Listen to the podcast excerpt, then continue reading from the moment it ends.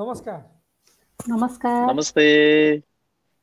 साथीहरू आरामै हुनुहुन्छ होला। एकजना साथीले युट्युबमा कुरेर बसिरहनु भएको छ अहिले यति बेला हाम्रो जति बेला हामीले क्रिएट गर्छौँ यति बेला तपाईँ यदि युट्युबबाट हेर्दै हुनुहुन्छ भने त हामीले जति बेला यसलाई लाइभलाई क्रिएट गर्छौँ त्यति नै बेला तपाईँ यसलाई त्यो लाइभ अब आउँदैछ भनेर देखाउँदो रहेछ। यो चाहिँ हामीलाई ख्यालै थिएन। हामीले लाइभ क्रिएट गर्छौँ लगभग दस पन्ध्र मिनट कहिलेकाहीँ बिस मिनट पच्चिस मिनट पहिला।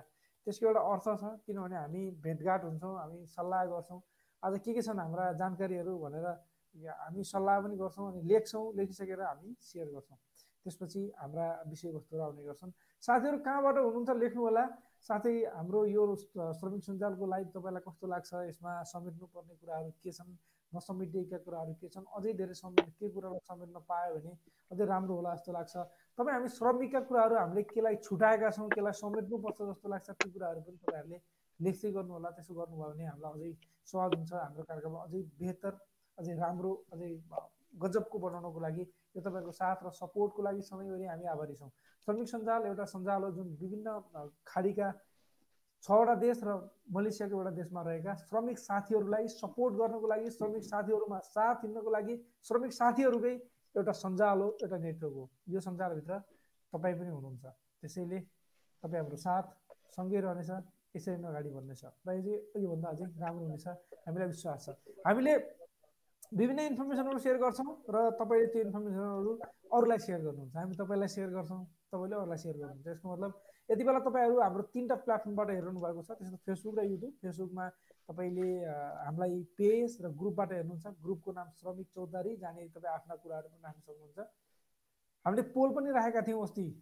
त्यो पुलको बारेमा पनि आज कुराकानी गरौँला अर्को प्लेटफर्म भनेको युट्युब युट्युबमा हाम्रो च्यानल छ त्यहाँबाट पनि तपाईँले हेर्न सक्नुहुन्छ श्रमिक सञ्जालको च्यानल। हामीले विभिन्न अरू भिडियोहरू पनि राख्ने कारणले गर्दा यदि तपाईँले युट्युबमा हुनुहुन्छ युट्युबमा हामीलाई सब्सक्राइब गर्नु होला यसलाई अडियो मात्रै सुन्न चाहनुहुन्छ भने हाम्रो गुगल पोडकास्ट एप्पल पोडकास्ट त्यसै गरी हाम्रो स्पोटिफाई एङ्कर एफएममा तपाईँले हाम्रो अडियोलाई पनि सुन्न सक्नुहुन्छ जस्तै अहिले हाम्रो लाइभ भयो एकैछिन त्यसको अडियो आउँछ। अब हामी लाग्छौँ सबभन्दा पहिला युएतिर युएबाट हुनुहुन्छ सुषमा म्याडम उहाँले आजका अपडेटहरू दिनुहुनेछ। त्यसपछि हामी फेरि लाग्नेछौँ फेरि कुवेततिर जान्छौँ। कुवेत गएर फेरि फर्केर तपाईँसँगै आउनेछौँ। जुन देशमा हुनुहुन्छ त्यहीँ तपाईँ आफूले कमेन्ट गर्दै गर्नुहोला। त्यो कमेन्टलाई हामी समझ्ने कोसिस गर्नेछौँ। हस् त thank you so much thank you so much RP sir Hari sir नमस्कार। सम्पूर्ण श्रमिक सञ्जाल हेरेर बस्नुभएको साथीहरूमा म युएबाट सुषमा। आज हामी तिनैजना उपस्थित भइसकेका छौँ। आज हरि सर पनि हामीसँग अन्तिमसम्म हाम्रो लाइभमा रहनुहुनेछ। सर छुट्टीमा हुनुहुन्छ। अब म यसै गरी युएको अपडेटतर्फ अघि बढ्न चाहन्छु। म युएको अपडेटहरू दिन चाहन्छु। युएको विशेष अपडेटहरू दिनुपर्दा अजमान गभर्मेन्टका स्टाफहरूलाई यहाँ अहिले अजमानबाट एनाउन्स भएको छ। अजमान गभर्मेन्टका स्टाफहरूले प्रत्येक हप्तामा एकपल्ट कोभिड टेस्ट कोरोना टेस्ट गर्नुपर्नेछ यो पिसिआर टेस्ट गर्नुपर्नेछ। जसको खर्च चाहिँ आफैले उहाँहरू आफैले बिहोर्नु पर्नेछ भनेर पनि एनाउन्स भएको छ। तर यसमा चाहिँ जुन हाम्रो अहिले कोभिड भ्याक्सिनेसन छ त्यो त्यसको दुईवटा डोज लगाइसक्नु भएको व्यक्तिहरूलाई भने यो छुट दिनेछ। त्यो भन्दा बाहेकका जुन कोभिड भ्याक्सिनेसन नलगाउनु भएका व्यक्तिहरूले भने प्रत्येक हप्तामा एकपटक आफ्नै खर्चमा यो पिसिआर टेस्ट गर्नुपर्नेछ भनेर पनि अपडेट आएको छ।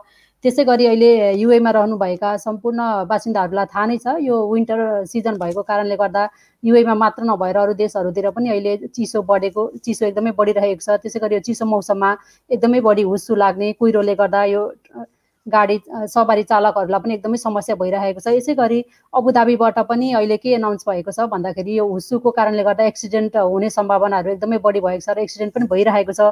हिजो हिजोको घटना हो एकजना व्यक्तिको चाहिँ एक्सिडेन्टमा परेर डेथ भएको छ भने त्यसै गरेर आठजना व्यक्ति चाहिँ एकदमै घाइते भएको भनेर पनि खलिज टाइम्समा न्युज आएको थियो। र यस्ता घटनाहरूलाई रोक्नका लागि रोकथाम गर्नका लागि ट्राफिक एक्सिडेन्टहरूलाई कम गर्नको लागि चाहिँ यो अहिले जुन यो कुहिरो लाग्ने हुस्सुको समयमा त्यो टाइममा चाहिँ हेभी भेहिकल्सहरू अलाउड नगरिने सब त्यसको लागि चाहिँ ध्यान दिनुपर्ने भनेर पनि अपडेट भएको छ। यदि यस्ता रुलहरू भाइलेट गरेमा पाँच सय दिराम फाइनका साथसाथै चार ब्ल्याक पोइन्ट पनि दिइने भनेर अपडेट आएको छ। त्यसै गरेर युएका एकजना डक्टरको अनुसार के भनिएको छ भन्दाखेरि अहिले यो विन्टर टाइममा चाहिँ यो जुन कोभिड भाइरस एकदमै बढी फैलने यसले चाहिँ बढी रिप्रोड्युस हुने कारणले गर्दा हामीले यो चिसो मौसममा एकदमै ध्यान पुर्याउनुपर्छ आफ्नो स्वास्थ्यलाई पनि एकदमै ध्यान दिने इम्युनिटी सिस्टमलाई बुस्ट गर्नका लागि एकदम हेल्दी फुडहरू खाने आफ्नो स्वास्थ्यको एकदमै केयर गर्ने किनकि कोभिड केसहरू पनि आजभोलि एकदमै दिन प्रतिदिन युएमा बढिरहेका छन् र यसको लागि चाहिँ हामीले आफूले आफ्नो सेफ्टी एकदमै गर्न जरुरी छ बाहिर हिँड्दा सोसियल डिस्टेन्समा फलो गर्ने मास्क अनिवार्य रूपमा लगाउने आफ्नो स्वास्थ्यलाई बढी केयर गर्ने भनेर पनि डक्टरबाट अपडेट आएको थियो। यो हामी सबैले एकदमै ध्यान दिनुपर्छ। त्यसै गरेर अर्को निज पार्किङ गरेको एरियामा पार्किङ गरेको सवारी साधनको प्लेटहरू जुन नम्बर गाडीका नम्बर प्लेटहरू हुन्छन् यस्ता नम्बर प्लेटहरू चोरी गरेका कारण चारजना ग्याङलाई पक्राउ गरिएको छ भनेर अपडेट आएको छ। पार्किङ गरेकै एरियाबाट नम्बर प्लेट हराइसकेपछि जो भेहिकल ओनर हुनुहुन्थ्यो उहाँले पुलिसलाई रिपोर्ट गरेर अनि त्यसपछि ट्र्याकिङ डिभाइसबाट चाहिँ चारजनाको पक्राउ गरिएको छ भनेर पनि अपडेट आएको छ। यस्ता घटनाहरू हामीले चोरीका यस्ता अरू अरू घटनाहरू धेरै नै हामीले सुनिरहेका हुन्छौँ।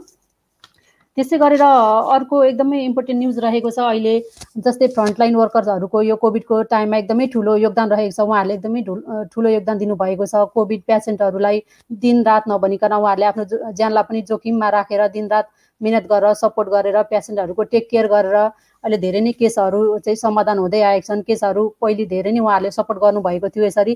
र फ्रन्टलाइनर वर्करहरूले धेरै नै सपोर्ट पुर्याएको उहाँहरूको योगदानलाई सम्मान गर्दै यहाँ अबुधाबीका क्राउन प्रिन्स क्राउन प्रिन्सका अनुसार के अपडेट आएको छ भन्दाखेरि फ्रन्टलाइन वर्करहरूलाई राम्रो इन्सुरेन्सको व्यवस्था गर्ने तर त्यसमा पनि जो व्यक्तिहरू योग्य हुनुहुन्छ त्यो रजिस्टर गर्नुपर्नेछ। रजिस्टर गरिसकेपछि जो जो व्यक्तिहरू फ्रन्टलाइनर वर्कर्सहरू चाहिँ योग्य हुनुहुन्छ त्यसका लागि उहाँहरूलाई राम्रो इन्सुरेन्सका साथसाथै फ्लाइट टिकटमा पनि डिस्काउन्ट गरिने भनेर पनि अपडेट आएको छ। त्यसै गरी उहाँहरू साथसाथै उहाँहरूको फ्यामिलीहरूलाई त्यस्तो कुनै पनि समयमा त्यस्तो इमिड इमर्जेन्सी कुनै पनि अवस्था समस्याहरू आएमा उहाँहरूलाई पनि इन्सुरेन्सको व्यवस्था गर्ने भनेर पनि अपडेट आएको छ। फ्रन्टलाइन वर्कर साथसाथै उहाँहरूको परिवारलाई पनि इन्सुरेन्समा सपोर्ट गर्ने भनेर पनि अपडेट आएको छ। त्यसै गरेर अर्को न्युज रहेको छ। जस्तै अहिले अजमानमा यो कोभिड भ्याक्सिनेसनको लागि नयाँ सेन्टर चाहिँ सेटअप गरिएको छ भनेर पनि अपडेट आएको छ। यसको टाइमिङ रहेको छ eight AM to ten PM. यो चाहिँ अजमान मेडिकल डिस्ट्रिक्टबाट चाहिँ लन्च भएको भनेर अपडेट आएको छ। यो अझै यो कम्युनिटी मेम्बर्सहरूलाई भ्याक्सिनेसन चाहिँ सबैजनालाई पुर्याउनको लागि र यो अहिले बढ्दो कोभिडको सङ्ख्यालाई घटाउनको लागि सबैलाई सहज बनाउनको लागि भनेर यसरी भ्याक्सिनेसन सेन्टरहरू पनि सेटअप गरिँदै आएको अपडेट आएको छ। त्यसै गरेर अर्को न्युज रहेको छ। दुई सय पचासवटा जुन अहिले डोमेस्टिक वर्कर रिक्रुटमेन्ट अफिसहरू रहेका छन् त्यस अफिसले चाहिँ लाइसेन्स रिन्यू नगरेका कारण दुई सय पचासवटा अफिसहरूलाई चाहिँ सटडाउन गरिएको भनेर पनि अपडेट आएको छ। धेरै अब कति अहिले यो सायद हुनसक्छ कोभिडको कारणले गर्दा धेरै बिजनेसहरू लसमा गए र रिन्यू गर्न नसकेका कारणले गर्दा फाइनहरू लागेर विविध यहाँको नियमहरू पुर्याउन नसकेका कारण पनि सटडाउन भएको हुनसक्छ। यस्तै न्युजहरू रहेको छ आरपी सर। केही छुटेमा म पुनः पनि फेरि जोड्दै जानेछु। हस्त थ्याङ्क यू सो मच हुन्छ thank you so much madam तपाईँलाई धेरै धेरै धन्यवाद छ। यो रिक्रुटमेन्ट एजेन्सीहरू बन्द भयो भन्दै गर्दाखेरि धेरै हाम्रा साथीहरूले जब लगाइदिने भनेर जस्तै इनसाइड कन्ट्री पनि जब लगाइदिने धेरै कम्पनीहरू छन्। उहाँहरू चाहिँ कतिको लिगल हो होइन? रजिस्टर गरेको छ कि छैन भनेर कहिलेकाहीँ हामीले चेक गर्छौँ। रजिस्टर गरेकै रहेछन् भने पनि उनीहरू पनि बन्द भयो भने यदि बन्द भइसकेका रिक्रुटमेन्ट एजेन्सीले तपाईँलाई फेरि म जब लगाइदिन्छु भनेर पैसा लिएर नि यो कुरा पनि अलिकति ध्यान दिनु होला। यस्तै भएको कारणले गर्दाखेरि हामीले यो न्युज यहाँसँग सेयर गरेका हौँ। अब हामी लाग्छौँ यति बेला कुवेततिर। कुवेतबाट हुन्छ Hari sir? Thank you RP sir Sushma ma'am र सबैलाई नमस्ते कुवेतबाट। कुवेतको सामान्य जानकारी चाहिँ यही हो। अहिले अलिकति जाडो बढेको छ। यहाँको मौसमविदहरूले चाहिँ आजदेखि अब दस दिन अर्को शनिबारसम्म चाहिँ जाडो एकदमै बढ्ने र करिब करिब खुला क्षेत्रमा जिरो डिग्री सेन्टिग्रेडसम्म जान्छ भनिरहेको छ होइन?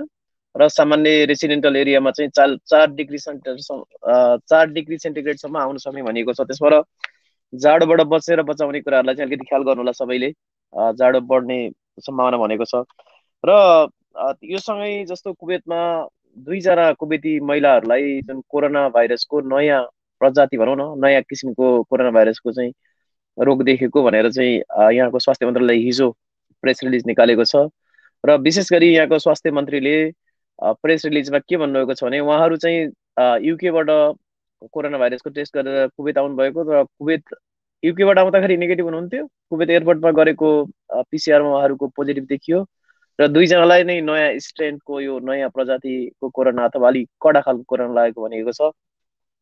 र यहाँको स्वास्थ्य मन्त्रालयका प्रवक्ताले चाहिँ के भन्नुभएको छ भने विशेष गरी कोभिड नाइन्टिनको केसहरू अहिले बिस्तारै अलिअलि इन्क्रिज हुन थालेको र यो नयाँ वेब पनि आएको हुनाले यो व्यक्तिगत सुरक्षाका सामग्रीहरू विशेष गरी मास्क लगाउने ह्यान्ड ग्लोभ्स लगाउने सेनिटाइजर युज गर्ने सोसियल डिस्टेन्स कायम गर्ने र ग्यादरिङहरू भिडभाडमा नजाने यी कुराहरूलाई चाहिँ एकदमै कुवेत सरकारले फर्स्ट प्रायोरिटी दिएको हुनाले यी कुराहरूलाई चाहिँ सबै आप्रवासीहरूलाई र यहाँ कुवेती नागरिकहरूलाई चाहिँ लागू गर्न भनेर चाहिँ अनुरोध गर्नुभएको छ। त्यस कारणले हामी पनि तपाईँ हामी जो जो जहाँ जसरी काम गरिरहेका छौँ अलिकति चराको बनाउँ आफ्नो कुराहरूलाई पालना गरौँ भन्न चाहे। अर्को चाहिँ यो कुवेतमा करिब करिब करिब दुई लाखजना आप्रवासीहरू अनडकुमेन्टेड अथवा अवैधानिक भएका भनेर चाहिँ यहाँ यो अरब टाइममा न्युज आएको छ।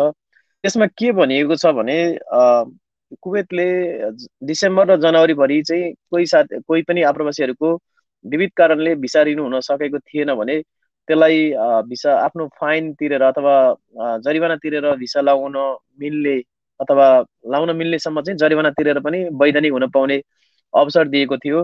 तर यो जनवरीभरिमा जम्मा दुई हजार पाँच सयजनाले मात्रै त्यसरी अवसरको सदुपयोग गरे र बाँकीले गरेनन् र अहिलेसम्म करिब दुई लाख आप्रवासीहरू चाहिँ अवैधानिक हुनुहुन्छ अथवा अनडकुमेन्टेड हुनुहुन्छ भनिएको छ। र उहाँहरूलाई बिस्तार अब यो जनवरीको एकतिस तारिकभन्दा पछि एकदमै ठुलो चेक जाँच गरिने भनेर चाहिँ समाचारहरूमा आएका छन्। त्यस कारणले यो कुरालाई मैले यहीँ सेयर गरेँ। त्यसै गरी यो कुवेतमा अहिले नयाँ भिसा सिस्टम लागू गरिएको छ। मैले अस्ति पनि भनेको थिएँ। यो भिसा सिस्टमलाई चाहिँ भिसा रिन्युअल गर्ने अथवा नवीकरण गर्ने नयाँ भिसा लगाउने यस्ता कुराहरूलाई चाहिँ यो एएसएचएल असल भन्ने अटोमेटिक सिस्टम भन्दो रहेछ। त्यो सिस्टम चाहिँ भर्खर कुवेत सरकारले युज गरेको छ यो जनवरीको बाह्र तारिकदेखि। त्यसको लागि दुई हप्ता चाहिँ सबै भिसा प्रोसेस गर्ने सबै कामहरू बन्द गरिएको थियो त्यो नयाँ सिस्टम अपडेटको लागि। तर बाह्र तारिक जसरी नयाँ सिस्टम अपडेट गरियो त्यो जुन यहाँको पाम भन्छ public authority manpower association भन्ने हुन्छ उहाँले यसरी नयाँ सिस्टम अपडेट गर्नुभयो यसलाई चाहिँ एकदमै अपडेटेड सिस्टम हो जसले चाहिँ अनलाइन थ्रु सबै कामहरू हुने होइन? तपाईँहरूको स्किल वर्करहरूले चाहिँ सर्टिफिकेटहरू पेस गर्नुपर्ने सबै कुराहरू स्क्यानिङबाट सबै डकुमेन्टहरू हुने कुरा हो। तर यसरी गर्दाखेरि त्यो जुन प्रोग्राममा अलिकति इरर आएको र विविध कारणले सिस्टमले काम नगरेको कारणले करिब पाँच हजार आप्रवासीले हरेक दिन दुई केटीको दरले जरिवाना अथवा यसलाई गरमा भनिन्छ यहाँ चाहिँ। त्यो जस्तो भिसा एक्सपायर भइसकेकाहरूले चाहिँ ओभर स्टे चार्ज अथवा जरिमाना तिर्न परेको भनेर न्युज आएको छ। र विशेष गरी एक कम्पनीबाट अर्को कम्पनी जानेहरूको नयाँ भिसाहरू कसैको पनि ट्रान्सफर भएको छैन। अहिले यो जुन सिस्टमको कारणले। सायद अब यो आइतबारसम्म फिक्स गर्ने भनेर आएको छ न्युज होइन? त्यसै गरी अर्को चाहिँ एउटा के छ भने करिब अस्सी हजार महिला घरेलु महिला कामदार घरेलु कामदारहरू भनौँ त्यसमा महिला पनि पर्नु बढी चाहिँ महिला हुनुहुन्छ तर घरमा काम गर्ने ड्राइभरहरू हुनुहुन्छ गार्डेनरहरू हुनुहुन्छ उहाँहरू पनि घरेलु कामदारको भिसा हुनुहुन्छ। करिब अस्सी हजार घरेलु कामदारहरूको चाहिँ डिमान्ड रहेको अथवा यो चाहिँ कम भएको अथवा त्यति सर्टेज रहेको भनेको छ कुवेतमा। किनभने गत दुई हजार उन्नाइस डिसेम्बरदेखि अहिलेसम्म एकजना पनि डोमेस्टिक वर्करहरू आउनु भएको छैन र छुट्टीमा जानुभएको करिब सत्तरी हजार पनि फर्किने कुराहरू त्यस्तै भइरहेको छ दुईवटा फ्लाइट मात्रै भयो अहिलेसम्म। त्यस कारणले कुवेतले चाहिँ नेपाल लगायत भारत श्रीलङ्का बङ्गलादेश र फिलिपिन्सबाट कामदारहरू नयाँ कामदारहरूको नयाँ भिसा दिन पनि खोलेको छ यो जुन हाउसमेटको लागि। तर यसरी खुले पनि यसको प्रोसेसहरू अलिकति लामो लाग्ने होइन? अब अहिले त पैँतिसवटा नेपाल लगायत पैँतिसवटा त्यसबाट सिधा फ्लाइट छैन। तर पनि घरेलु कामदारहरूलाई चाहिँ फर्स्ट प्रायोरिटी दिने भनेर सुरु गरे पनि करिब असी हजार घरेलु कामदार ल्याउनु त टाइम लाग्छ। त्यस कारणले अहिले एकदमै सर्टेज रहेको र धेरैजना नेपाली दिदीबहिनीहरूले पनि घरबाट फोन गर्नुहुन्छ हामीलाई घर पठाउनु हाम्रो कन्ट्याक्ट सकियो भनेर। यस्तो केसहरू धेरै आएको छ। मैले दूतावासमा पनि यसबारेमा सम्पर्क गरेको थिएँ। सबभन्दा बढी केस नै यही छ अहिले। उहाँहरूको कन्ट्याक्ट सकिए पनि घर नपठाउने विविध कारणले उहाँहरूले रोक्न खोज्नु भएको भन्ने केसहरू बढी गुनासोहरू बढी आएका छन्। यो कुराहरू मैले यहाँ सेयर गरेँ। त्यसै गरी यो सेप्टेम्बरदेखि डिसेम्बरसम्म चार महिनाभित्रमा करिब करिब करिब होइन ठ्याक्कै सङ्ख्या भनेको छ तिरासी हजार पाँच सय चौरात्तरजना आप्रवासीहरूले चाहिँ कुवेत नफर्किने गरी देश छोड्नु भएको भनेर एउटा न्युज आएको छ यो अरब टाइममा। यसको मतलब चाहिँ धेरैजना त्यसमध्येमा दुई हजार एक सय चौवालिसजना चाहिँ सरकारी भिसा होल्डर हुन्थ्यो सत्र नम्बर भिसा भनिन्छ। यसको मतलब चाहिँ के हो भने अहिले धेरैजना आप्रवासीहरूले आफ्नो योजनाहरूलाई अलिकति परिवर्तन गर्दै होइन घर फर्किनु भएको छ र कतिपय अवस्थामा चाहिँ आप्रवासीहरूले बस्न चाहँदा चाहँदै पनि भिसाका कठिनाइहरू कम्पनीका कठिनाइहरू कम्पनी क्लोज हुनाले अथवा विविध कारणले उहाँहरू फर्किनु परेको भनेको छ। त्यसबाट यो जम्मा चार महिनामा तिरासी हजारजना मान्छेले छोड्नु हुने एकदमै ठुलो हो। त्यही भएर अब अहिले सर्टेज मेन पावरहरू भनौँ न मार्केटमा चाहिँ अहिले जस काम नहुनेहरूले काम पाउने चान्स पनि छ काम गुमाउनेहरूले। त्यसै गरी यो पछिल्लो तिन महिनामा जस्तो अक्टोबर नोभेम्बर डिसेम्बरमा चाहिँ पचास हजार आप्रवासीहरूले चाहिँ आफ्नो वैधानिकता गुमाएको भनेको छ कुवेतमा। यसको मतलब चाहिँ पचास हजारजना आप्रवासीहरू चाहिँ अवैधानिक हुनुभयो अथवा इलिगल हुनुभयो पछिल्लो तिन महिना मात्रै। यसको मतलब चाहिँ किन यस्तो भयो भने विशेष गरी यो कोभिडको कारणले नै भनेको छ। तर अब कोभिड मात्रै त नहोला तर त्यसमा न्युजमा के भनेको छ भने कोभिडको कारणले र धेरै कम्पनीहरूले चाहिँ कामदारहरूको भिसा रिन्यू नगर्ने कारणले उहाँहरू बाध्य भएर भाग्नु भएको भनेको छ। त्यसकारण करिब दुई लाखजना चाहिँ आप्रवासीहरू अवैधानिक हुनुहुन्छ पछिल्लो तिन महिना मात्रै पचास हजारजना भने एकदमै ठुलो सङ्ख्यामा हो। त्यसैले अब कुवेतले चाहिँ विशेष गरी यो clean clean of the country भन्ने नयाँ एउटा उहाँहरूले अस्ति नै एनाउन्स गरिसक्नु भएको छ। नयाँ योजनासहित चेक जाँच गर्ने कडा एकदम कडा चेक जाँच गर्ने र मान्छेलाई डिपोर्ट गर्ने भनेको छ। हुन त डिपोर्टेसन सेन्टरमा पनि धेरैजना नेपालीहरू पनि हुनुहुन्छ धेरैजना आप्रवासीहरू हुनुहुन्छ। किनभने अहिले फ्लाइटहरू राम्रो नभएको हुनाले धेरैजना अड्केर बस्नु भएको छ। यही कुरा हो आरपी सर। हुन्छ sir thank you so much धेरै धेरै धन्यवाद छ तपाईँलाई पनि। आज हामीले कमेन्टहरू पढौँ अब खुरु खुरु लाएर। हाम्रा धेरै साथीहरूले कमेन्टहरू पढ्नु है भन्नुहुन्छ अनि कमेन्टहरू पढेन भनेर दुःख सु पनि पोख पोख्नुहुन्छ। आज हामी हाम्रा साथीहरूका कमेन्ट पढ्छौँ तपाईँले कमेन्ट गर्दै गर्नु होला। कमेन्ट भन्ने कुराहरू हामी समेट्छौँ पनि कोसिस हाम्रो त्यही रहनेछ। अब सबभन्दा पहिला म एउटा एउटा अनाउन्स भन्दा पनि पर्सि जुन हाम्रो शुक्रबार कार्यक्रम हुन्छ ओपन लाइभ हुन्छ। यहाँनिर तपाईँ आफ्नो कुरा राख्न सक्नुहुन्छ। साथै हामीले आफ्ना कुरा मात्रै नभएर हामी प्रदेशमा हुँदाखेरि हाम्रा दुःख सुखलाई समेटेर कहिलेकाहीँ हामीले साहित्यिक रचनाहरू गर्छौँ भने त्यो पनि सुनाउन पाउनुहुन्छ तपाईँले। कथा कथा त नहुनु कथाले लामै हुन्छन्। मुक्तकहरू गजलहरू कविताहरू। तपाईँको केही छन् भने तपाईँ आफैले सुनाउन सक्नुहुन्छ भने आफै उपस्थित भएर सुनाउन सक्नुहुन्छ। होइन तपाईँको त्यस्तो माहौल छैन अथवा छुट्टी मिल्दैन अथवा टाइम छैन त्यो बेला अथवा त्यहाँनिर अनलाइनमा आएर भन्न सक्ने त्यो व्यवस्था छैन त्यस्तो हो भने यो अवस्थामा तपाईँले हामीलाई पठाउन सक्नुहुन्छ। हाम्रो इनबक्समा तपाईँले म्यासेज गर्नुभयो भने हामीले तपाईँले पठाएका जुन म्यासेज अथवा गजलहरू कविताहरू छन् त्यसलाई वाचन गर्नेछौँ लाइभमा। तपाईँको नामसहित तपाईँ पक्कै पनि यो हाम्रो एउटा हामीले शुक्रबारको कार्यक्रमलाई तपाईँलाई इङ्गेज गरौँ तपाईँ हामीसँगै जस्तै हामी मात्रै बोलिरहेका हुन्छौँ अरू दुई दिन भने शुक्रबार चाहिँ तपाईँको आवाज तपाईँ हामी भनौँ न हामी सबै श्रमिकको आवाज अगाडि आउनुपर्छ भन्ने हो। र अर्को एउटा कुरा हामी श्रमिकहरूले के चाहन्छौँ हाम्रो लागि सरकारले अथवा सम्बन्धित निकायहरूले के गरिदिए हुन्थ्यो जस्तो लाग्छ ती कुराहरू पनि तपाईँले शुक्रबारको कार्यक्रममा राख्न चाहनु सक्नुहुन्छ। त्यो बाध्य कुनै टपिकहरूलाई लिएर हामीले अगाडि कुरा पनि गर्न सक्छौँ। हामी अझै त्यसको विषयमा धेरै डिटेलमा पनि जान सक्छौँ। त्यसैले शुक्रबारको कार्यक्रममा चाहिँ तपाईँ जोडिनु होला शुक्रबार हामीलाई साथ दिनु होला भन्ने एउटा आग्रह गरेँ। अब हामी लाग्छौँ कमेन्टतिर। कमेन्ट सर कमेन्टतिर भन्दा कमेन्ट भन्दा पहिला एउटा एउटा मेरो प्रश्न छ। धेरैजना साथीहरूले मलाई पर्सनली पनि सोध्नु भएको र विभिन्न प्लेटफर्महरूमा सोधेको एउटा प्रश्न चाहिँ यो अनलाइन श्रम स्वीकृतिको पासपोर्ट रिसेट यो चाहिँ एकदमै ठुलो समस्या देखियो। यहाँ केही साथीहरूले दूतावास पनि जानुभयो भन्ने कुरा आएको छ। तर यसको चाहिँ अब अहिले अहिलेको फर्दर अपडेट चाहिँ के छ सर? जस्तो पासपोर्ट यसको लागि के गरौँ भनेदेखि मेरो आइडियामा भएसम्म यो अफिसियल्ली अनाउन्स भएको कुरा होइन।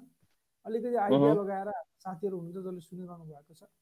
श्रमिकमा म डाइरेक्ट यो श्रम स्वीकृतिसँग रिलेटेड चिजहरूमा डाइरेक्ट इन्भल्भ भएर मैले के साथीहरूको फर्म भन्ने पनि गर्थेँ कहिले काहीँ भिडियो बनाउनकै लागि भरेको पनि हाम्रो हाम्रो च्यानलमा र यहाँ पनि अलग अलग भिडियोहरू आउनेछ मैले एउटा आफ्नो भिडियो पुरै फुल भिडियो चाहिँ मैले पब्लिस गरेको थिएँ। यहाँनिर छोटा छोटा हाम्रो श्रमिक सञ्जालको भिडियोमा यहाँ आउँछ। अहिलेको लागि चाहिँ तपाईँले के गर्न सक्नुहुन्छ भने उहाँहरूले IT at the rate DOFE dot GOV dot एनपीमा email गर्नुहोस्। जो साथीले पासवर्ड रिसेट गरिदिनुहोस् भनेर। अनि उहाँहरूले चाहिँ भेरिफिकेसन सोध्न सक्नुहुन्छ तपाईँको पासपोर्ट चाहिएला तपाईँको इमेल इमेल आइडी भन्न आएको छ। के अरे नागरिकता चाहिएला तपाईँको जुन नेसनल आइडी हो हाम्रो त्यो चाहिन सक्छ। त्यो जे छ हामीसँग त्यो माग्नु सक्छ उहाँले। उहाँले जे माग्नुहुन्छ त्यो दिनु होला। त्यसपछि त्यो इमेल आइडी इमेल आइडी कमेन्टमा लेखिदिनु होला साथीहरूले नोट गर्नुहुन्छ किनभने नोट गर्नै गाह्रो भयो त्यो। त्यही भएर। ए त्यो चाहिँ एकदम okay IT IT at the rate DOFE dot GOV dot NP यसमा उहाँहरू सपोर्टिभ हुनुहुन्छ। मैले जति पनि कुरा गर्छु उहाँहरूसित कहिलेकाहीँ केही भएर केही सुन्नु पऱ्यो भने उहाँले त्यो सपोर्ट गर्नुहुन्छ। कहिलेकाहीँ चाहिँ कम्पनी एड गरेर कम्पनी एड त गरियो तर अप्रुभै भएन भने उहाँलाई फोन गर्ने मेल गरेपछि उहाँले अप्रुभ पनि गरिदिनुहुन्छ। यस्तो यस्तो पनि समस्याहरू भयो भने हुन्छ। र यो श्रमको अर्को एउटा कुरा पनि छ। यहाँनिर अलिकति फेरि म श्रमको बुझाइहालौँ जस्तै इमेल एड्रेस अलग्गै छ। टेम्पररी इमेल एड्रेस छ। तपाईँले पासवर्ड रिसेट गर्नुभयो। भनेदेखि अब भित्र गएर सेटिङमा गएर पासवर्डलाई चेन्ज गर्न मिल्छ। तपाईँले पासवर्डलाई चेन्ज गरेर आफ्नो पासवर्ड राख्नुहोस् र इमेल एड्रेस पनि चेन्ज गर्न मिल्छ। कतिपय त कस्तो हुन्छ भने इमेलै तपाईँको डोमी इमेल हुन्छ। त्यो डोमी इमेल भइसकेपछि हाम्रो के कारणले रिजेक्ट भयो थाहा हुँदैन। त्यो इमेल त कहाँ आउँछ कहाँ आउँछ थाहै यस्तो अवस्थामा हामीले जुन चेन्ज गरेको हाम्रो ओरिजिनल इमेल छ त्यो इमेलमा इमेल आउँछ। अब यसको मतलब त पुरै पुरै तपाईँको जसले पहिला जोसँग गर्नुभएको थियो तपाईँले कुनै साइबरमा गएर अरूसँग गर्नुभएको थियो भने पनि अब तपाईँको कन्ट्रोलमा हुन्छ एउटा कुरा। र अर्को कुरा भनेको इनकेस अफ तपाईँले त्यो आफूले गर्न गाह्रो छ आफूलाई अप्ठ्यारो लाग्छ जस्तै नेपालमा पेमेन्टको सिस्टम छ त्यहाँ पेमेन्टको सिस्टम त्यहाँबाट छैन यस्तो अवस्थामा पनि तपाईँले नर्मल्ली जसले गरिदिन्छ उसलाई चाहिँ इमेल एड्रेस तपाईँको राख्न लाउनुहोस् पासवर्ड तपाईँले राख्नुहोस् र तपाईँले नै सबै आफूले सेभ गरेर राख्नुहोस् यो कुराहरू भयो। र एकदम योभन्दा पनि अर्को एउटा इम्पोर्टेन्ट कुरा भन्छु मैले। जब हामीले त्यहाँनिर इन्ट्री गर्छौँ इन्ट्री गर्दाखेरि जब हामीले काम एड गर्छौँ जस्तै रिइन्ट्री गर्नको लागि इम्प्लोइमेन्ट इन्ट्री गर्नको लागि जब काम एड गर्छौँ त्यहाँनिर उसले एकचोटि क्वेसन सोध्छ। तपाईँसँग बायोमेट्रिक छ भनेदेखि आउनुपर्छ भन्यो भने त्यो अवस्थामा अनलाइनबाट पुरै श्रम स्वीकृति पाइँदैन। होइन भने बकाइदा पाइन्छ ढुक्क भएर एकदम बकाइदासित तपाईँले चाहिने डकुमेन्टहरू पुऱ्याउनु भयो भने पाइन्छ। यो चाहिँ मैले मेरो अनुभव तपाईँहरूसँग सेयर गरेँ। आज दिउँसो मात्रै एकजना दुबईमा काम गर्ने एकजना दिदीको अप्रुभल भएको थियो। दुई तिन दिन पहिला उहाँले अप्लाई गर्नुभएको थियो। मैले उहाँको मेरो भिडियो बनाउनुको लागि पनि उहाँको पनि मैले युज गरिरहेको थिएँ त्यहाँनिर तर कतै देखाएन मैले त्यो डकुमेन्टहरू होइन? तर उहाँको थियो त्यहाँ। उहाँको जुन अप्रुभल थियो त्यो अप्रुभल चाहिँ आज आएको थियो। अर्को एकजनाको पनि स्टिकर चाहिँ राखेँ मैले त्यहाँ। भन्न खोजेको यसरी हो सर। तर सर यसलाई चाहिँ यही नै होला। अब कमेन्टतिर जाउँ कि त्यही होइन? क्लियर भयो होइन? गर्न सकिन्छ। त्यो सजिलो बिस्तारै सबै चिजहरू एकदम क्लियर हुन्छ झन् हामी जो जो साथीहरूले कमेन्ट मात्रै गर्नुभएको छ उहाँहरूको जो साथीका क्वेसन छन् उहाँहरूको क्वेसन चाहिँ समेटौँ। यो क्वेसन पढ्नुहुन्छ कि? हाम्रो म्यामले पढ्नुहुन्छ क्वेसन हजुर टिका प्रसाद चेम्जोङजीले लेख्नु भएको छ म छुट्टी जाँदैछु तिस तारिक अब मैले के के प्रक्रिया पुर्याउनु पर्छ होला भनिदिनुहोस् न भन्नुभएको छ। यसमा? प्रक्रिया खासै अहिले जुन देशबाट भए पनि अहिले तपाईँले मेन कुरा भनेको पिसिआर गर्नु पर्यो अनि त्यहाँबाट टिकट हुनु पर्यो भइहाल्यो होइन? तर टिकट लिएर लिँदाखेरि चाहिँ हामीले सधैँभरि भन्छौँ टिकट चाहिँ चेन्ज गर्न मिल्ने खालको टिकट दिनु होला किनभने पिसिआर कहिले काहीँ नेगेटिभ होइन पोजिटिभ पनि आउन सक्छ। त्यही हो अब तपाईँले टिकट लिनु पर्यो अनि पिसिआर गर्नु पर्यो त्यसपछि सिसिएमसीको फर्म भर्नु पर्यो। त्यो फर्म भर्ने हामीले धेरै लिङ्कहरू सधैँभरि सेयर गरिरहेको छौँ। यति भएपछि तपाईँ सिधै होम क्वारेन्टाइनमा जान सक्नुहुन्छ। त्यही नै हो। नर्मल छ अहिले त।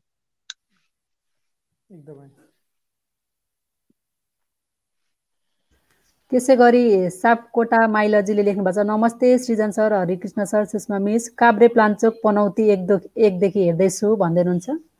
बडो गजब। हामीले अस्ति भर्खर उहाँको जनप्रतिनिधि भन्छ भन्ने होइन? सरसँग हामीले कुराकानी गरेका थियौँ। हामीले युट्युब र फेसबुकमा पनि राख्यौँ। धेरै साथीहरूले हेर्नु पनि भयो। धेरै साथीहरूले सुन्नु पनि भएको छ अरूहरूमा कस्तो छ भन्दा हामी कोसिस गर्दैछौँ। अरू नगरपालिका गाउँपालिकाहरूमा पनि के के चलिरहेको छ त्यो पत्ता लगाउनुको लागि। उहाँले खोइ मेरो कमेन्ट कहिले हेर्नु हुँदैन भन्नुभयो। हेऱ्यौँ हामीले अहिले भर्खर हेऱ्यौँ तपाईँको धेरै साथीहरूले मेरो कमेन्टको पालै आएन भनिरहनु भएको हुन्छ। आज म माथिदेखि एउटा पनि नछोडिकन लिएर जान्छु है। अब पढ्न कमेन्ट क्वेसनहरू छन् भने पढौँ होइन भने जो साथीहरू हुनुहुन्छ उहाँको देखाउँ है। है आज नमस्कार लेखेका पनि आज देखाउने कमेन्ट। बरु चुप लाएर रिसाउनु हुनु उहाँहरू। यो यो क्वेसन यो त क्वेसनै होला। त्यो पढाउने। कान्छो भाइ ज्याकको भाइजी लेख्नु भएको छ। नाम पनि डिफ्रेन्ट टाइपको रहेछ। सुषमा सिज भिजिट भिसमा आएको मान्छेलाई श्रम गर्न मिल्छ कि मिल्दैन भन्नुभएको छ। यो मिल्दैन। भिजिट भएको मान्छे। हजुर। फर इक्जाम्पल उहाँ आज मान एक वर्ष पहिला एउटा कम्पनीमा हुनुहुन्थ्यो अनि कम्पनीबाट एक वर्षमा निस्केर फेरि भिजिट भिसा निकालेर अथवा नेपाल फर्केर फेरि भिजिट भिसामा हुनुहुन्छ भने त्यो अवस्थामा एकचोटि ट्राई गर्न सक्नुहुन्छ। किनभने पहिलाको बायोमेट्रिक उहाँको सिस्टममा हुन्छ। तर होइन फर्स्ट टाइम उहाँ भिजिट भिसामा हुनुहुन्छ भने यस्तो साथीहरूले चाहिँ गर्न मिल्दैन। हामीले एउटा भिडियो पनि राखेका थियौँ। त्यो भिडियोमा अझै डिटेलमा हाम्रो चुरोकार विभागको महानिरीक्षकले भन्नु पनि भएको छ। मलाई त कराउनु पनि भयो उहाँले। तपाईँ भिजिट भिसामा गएको मान्छेको श्रम हुनुपर्छ भन्ने भनेर मलाई कराउनु भयो। उहाँ त घुम्न जानुभयो पनि तर त्यो हुँदैन अब अहिलेको लागि। हामी एकचोटि चाहिँ वैद्युत चुरोकार विभागमा पुग्नुपर्छ। विभागमा गएर औँठा छाप र आँखाको फोटो खिचेपछि अर्कोचोटिदेखि फेरि हुन्छ। हजुर उहाँले आफै जिम्मेवार भएर गइसकेपछि सम्पूर्ण भइपरि आउने समस्याहरूको जिम्मेवारी आफै हुनुपर्छ भनेर भन्नुभएको थियो।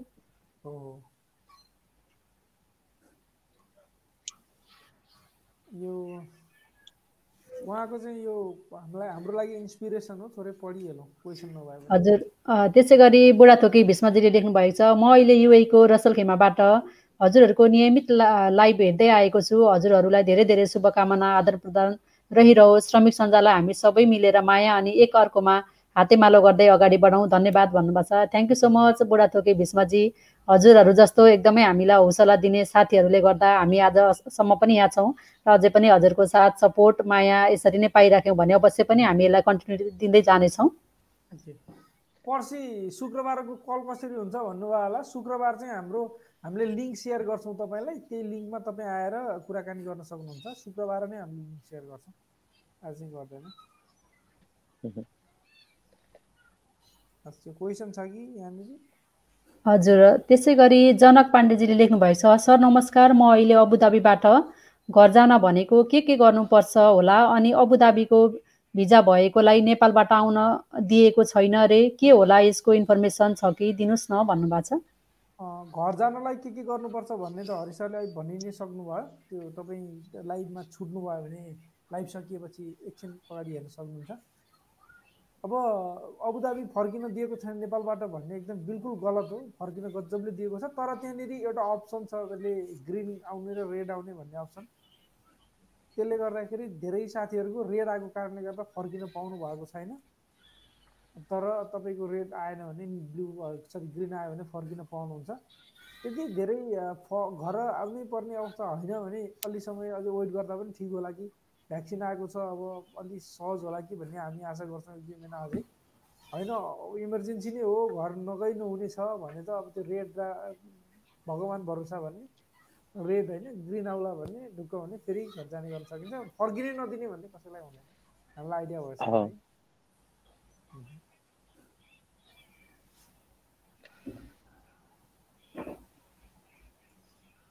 सुषमा म्याडमले पनि नमस्कार लेख्नुभयो युट्युबबाट पनि त्यहाँ एउटा इमोजी राखेको थिएँ मैले। हजुर सर मैले यहाँ युट्युबबाट हेर्दैछु के कस्तो हुँदो रहेछ भनेर मैले मोबाइलमा चेक गरिरहेको छु। ए हस् हस् हस् हस् हस् एकजना साथी हुन्छ कतारबाट हेर्दैछु भन्नुभएको थियो। अनि यो क्वेसन हो कि जस्तो लाग्यो? ओके। हरि सरको लागि क्वेसन है यो। सुरेश लम्साल सुरेश लम्साल लेख्नु भएको छ कुवेतको भिसा ट्रान्सफर प्रोसेस कहिलेबाट सुरु हुन्छ?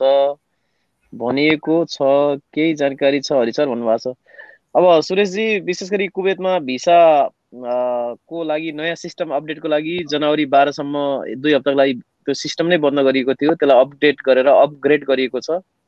त्यो सिस्टममा चाहिँ अहिले काम सुरु भइसकेको छ। धेरै भिसा भिसाहरूको जो अनलाइन ट्रान्जेक्सनहरू भइरहेको छ। तर एक कम्पनीबाट अर्को कम्पनी जाने यो नयाँ भिसा ट्रान्सफर गर्ने कुराहरू चाहिँ एक्सेप्ट गर्दैन सिस्टमले भनिएको छ। यो चाहिँ फेरि त्यसलाई एकदमै रिभाइज गरेर रातारात काम भइरहेको भनेर भनिएको छ। त्यही भएर तपाईँको मन्दुप मन्दुप भनिन्छ अथवा पिआर हो उहाँहरूले चाहिँ फलोअप गर्नुपर्छ। त्यही नै हो। उहाँले भिसा ट्रान्सफर हिजोबाट सुरु भएको छ भन्नुभएको छ। त्यो बारेमा म पनि बुझ्छु। खास मैले पनि बुझिरहेको छु हरेक दिन। किनकि मेरो पनि भिसा ट्रान्सफर हुँदैछ कि। त्यही भएर म म पनि यसमा आफ्नै पनि भिसा ट्रान्सफरमै छ त्यही भएर हामीलाई पनि अब यो एकदम अत्यावश्यक पनि छ। आफूलाई आफूलाई आफूलाई नै भएपछि झन् धेरै त्यसलाई इम्पोर्टेन्ट झन् धेरै महत्त्व पनि लाग्छ। त्यो चिज हाम्रो सबै चिजहरू महत्त्व नै लाग्छ। ओके। ल अर्को एउटा क्वेसन छ सुषमा म्याम। हजुर सागर बमजनजीले लेख्नु भएको छ सर मेरो करिब छ महिना मात्र भिसा छ। तर नेपाल जानु पर्यो भने अब नेपाल जाँदा श्रम पाउँछ कि पाउँदैन? किनकि म भिजिटमा आएर काम गरेको थिएँ अब चार वर्ष हुन्छ भन्नुभएको छ।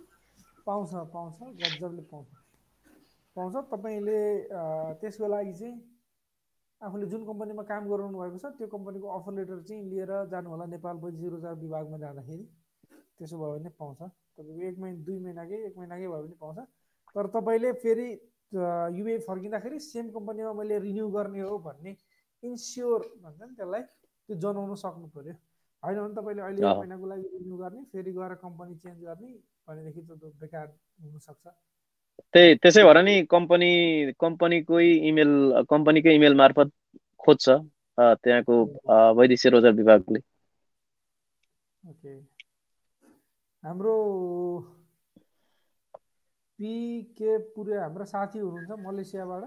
उहाँले तपाईँको यदि तपाईँको डिओपीमा फेमिस वेबसाइटमा श्रम गर्ने वेबसाइटमा आफ्नो इमेल एड्रेस छ भने चाहिँ पासवर्ड रिसेट गरेर आफ्नो पासवर्ड भन्नाले फर्गेट पासवर्ड गरेर लिङ्क आउँछ। लिङ्कमा पासवर्ड हाल्न पनि सक्नुहुन्छ।